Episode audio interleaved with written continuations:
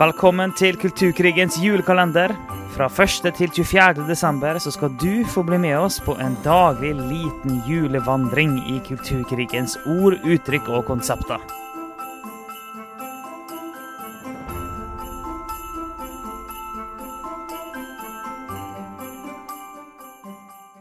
Det er 19. desember, og det er tid for en ny luke i julekalenderen. Og i dag skal vi da snakke om ordet fødeforelder.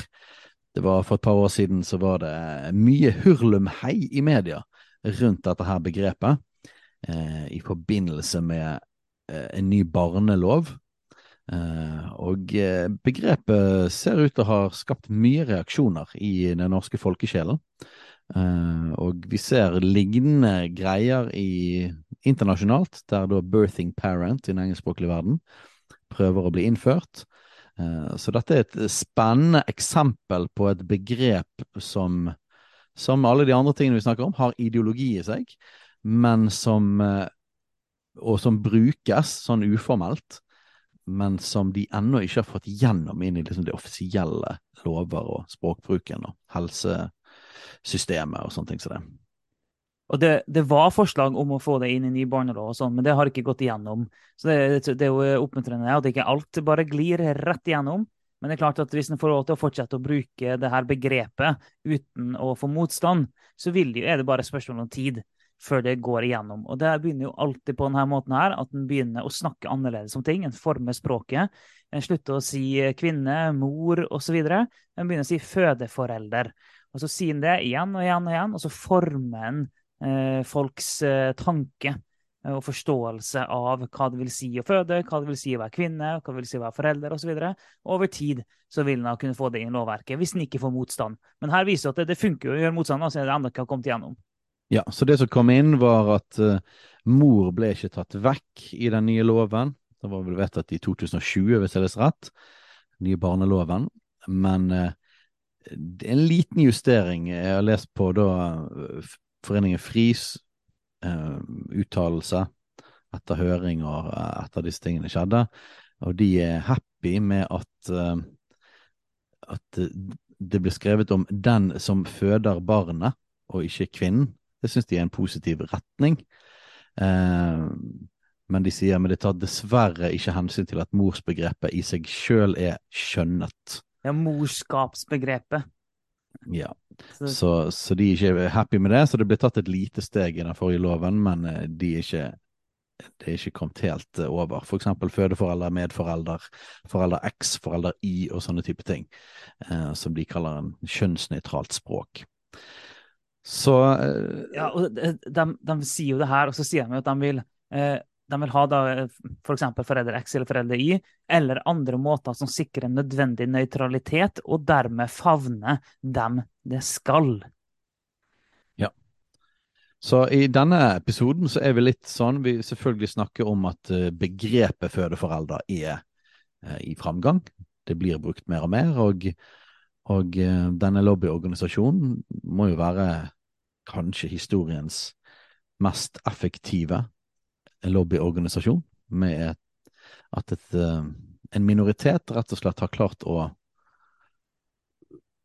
komme seg helt til toppen av FN og lover i hele den vestlige verden. Eh, og endre begreper og endre forståelse av noe så grunnleggende som kjønn og seksualitet. Men, eh, men de har jo en god track record, kan du si, de siste ti årene på at de har klart å få gjennom ting. Så fortsetter man å, å bruke fødeforeldre og fortsetter det å bli pushet på, så kommer det å bli fått igjennom eh, i Norge òg. Så her oppfordrer vi alle sammen, eh, både menn, men spesielt kvinner, til å være med og sette en grense, og ikke akseptere dette begrepet, og ikke akseptere at det blir brukt. For problemet er det at det kommer til å erstatte da ordet mor.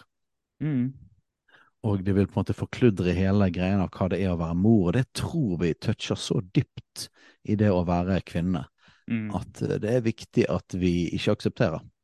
Det er kjempeviktig. og nå er det ikke sånn at 100% av kvinnene eh, opplever å bli mor, men de aller fleste opplever det. Og jeg vet at hvis du skal fjerne måte, det ifra kona mi, eksempel, som har født tre barn At nei, hun skal ikke være mor eller mamma, hun skal være fødeforelder. Da visker du ut noe helt sånn fundamentalt og grunnleggende i hvem hun er.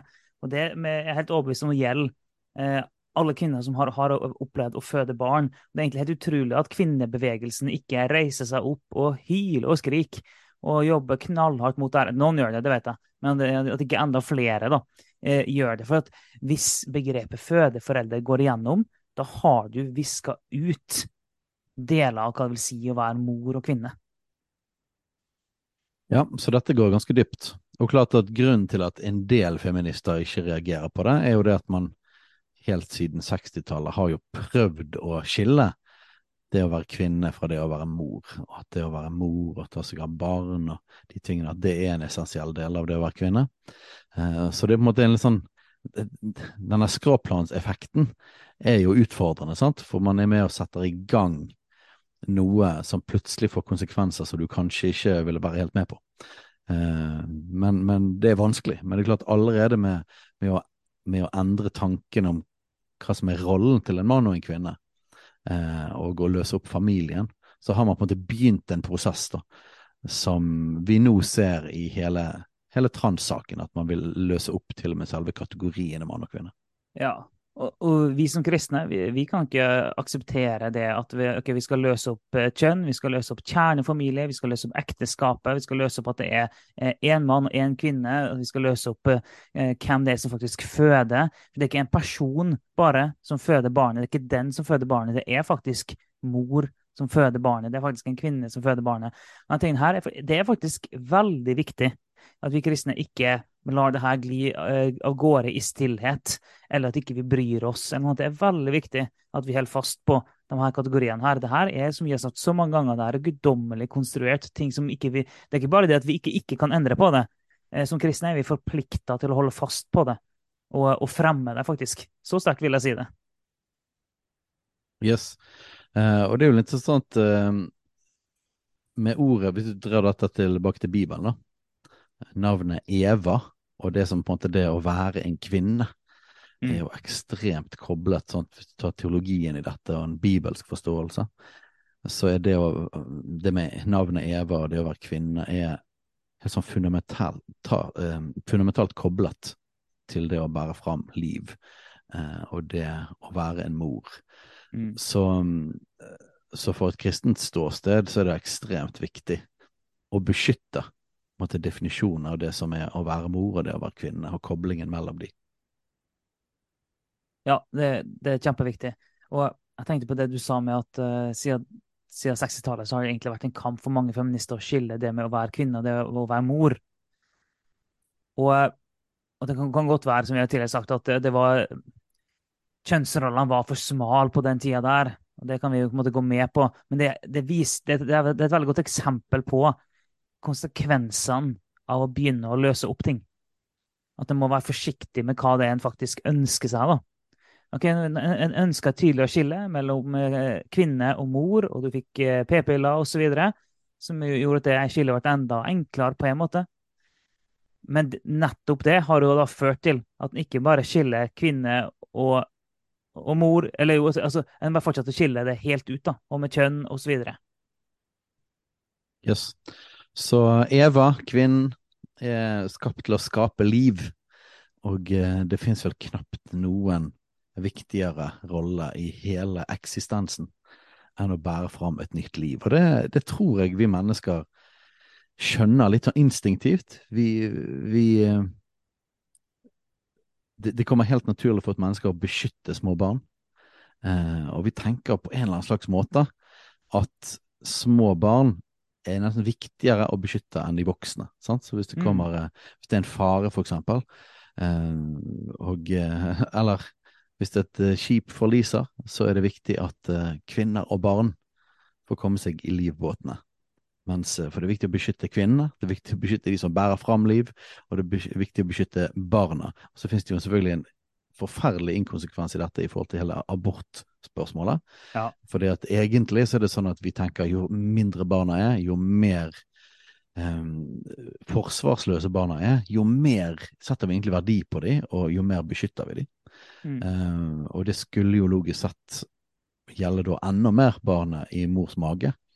Um, men det ligger likevel instinkt, instinktivt i oss, da. Dette med å beskytte barna og beskytte mor, beskytte den som bærer fram liv. Ja, og når du sier det, så ligger det jo på en måte en form for rangering i det. Jo da, alle mennesker er like mye verdt. Samtidig så er det en form for rangering her. Vi tror jo på at eh, si, bibelsk maskulinitet eh, legger ned sitt liv for å løfte både kvinner og barn opp. Og på den måten aktivt sette seg sjøl nederst. Det tror vi er en bibelsk maskulinitet.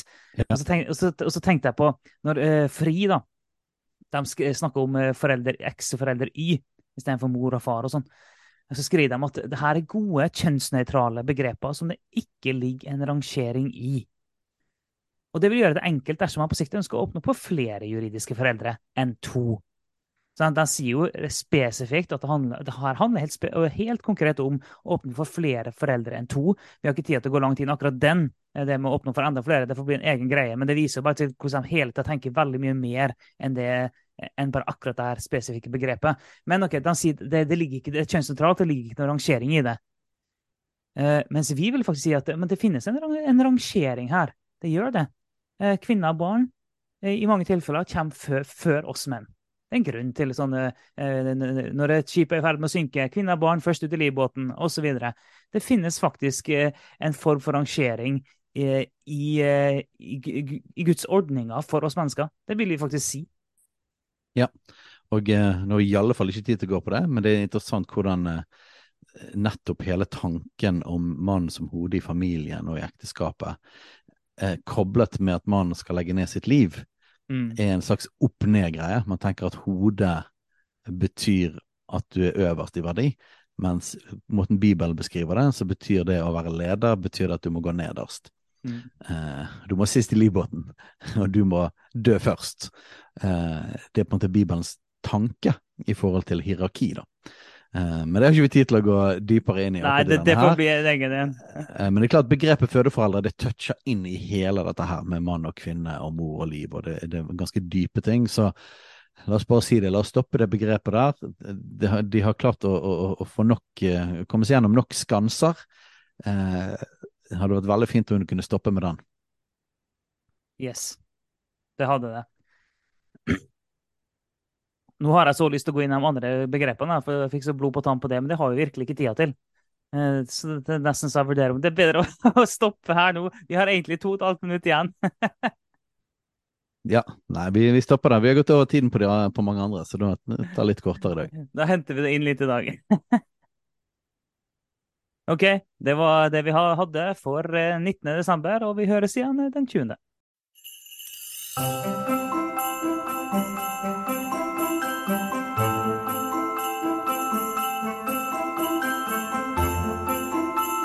Takk for at du hørte på Kulturkrigens julekalender. En daglig liten julevandring gjennom kulturkrigens ord, uttrykk og konsepter.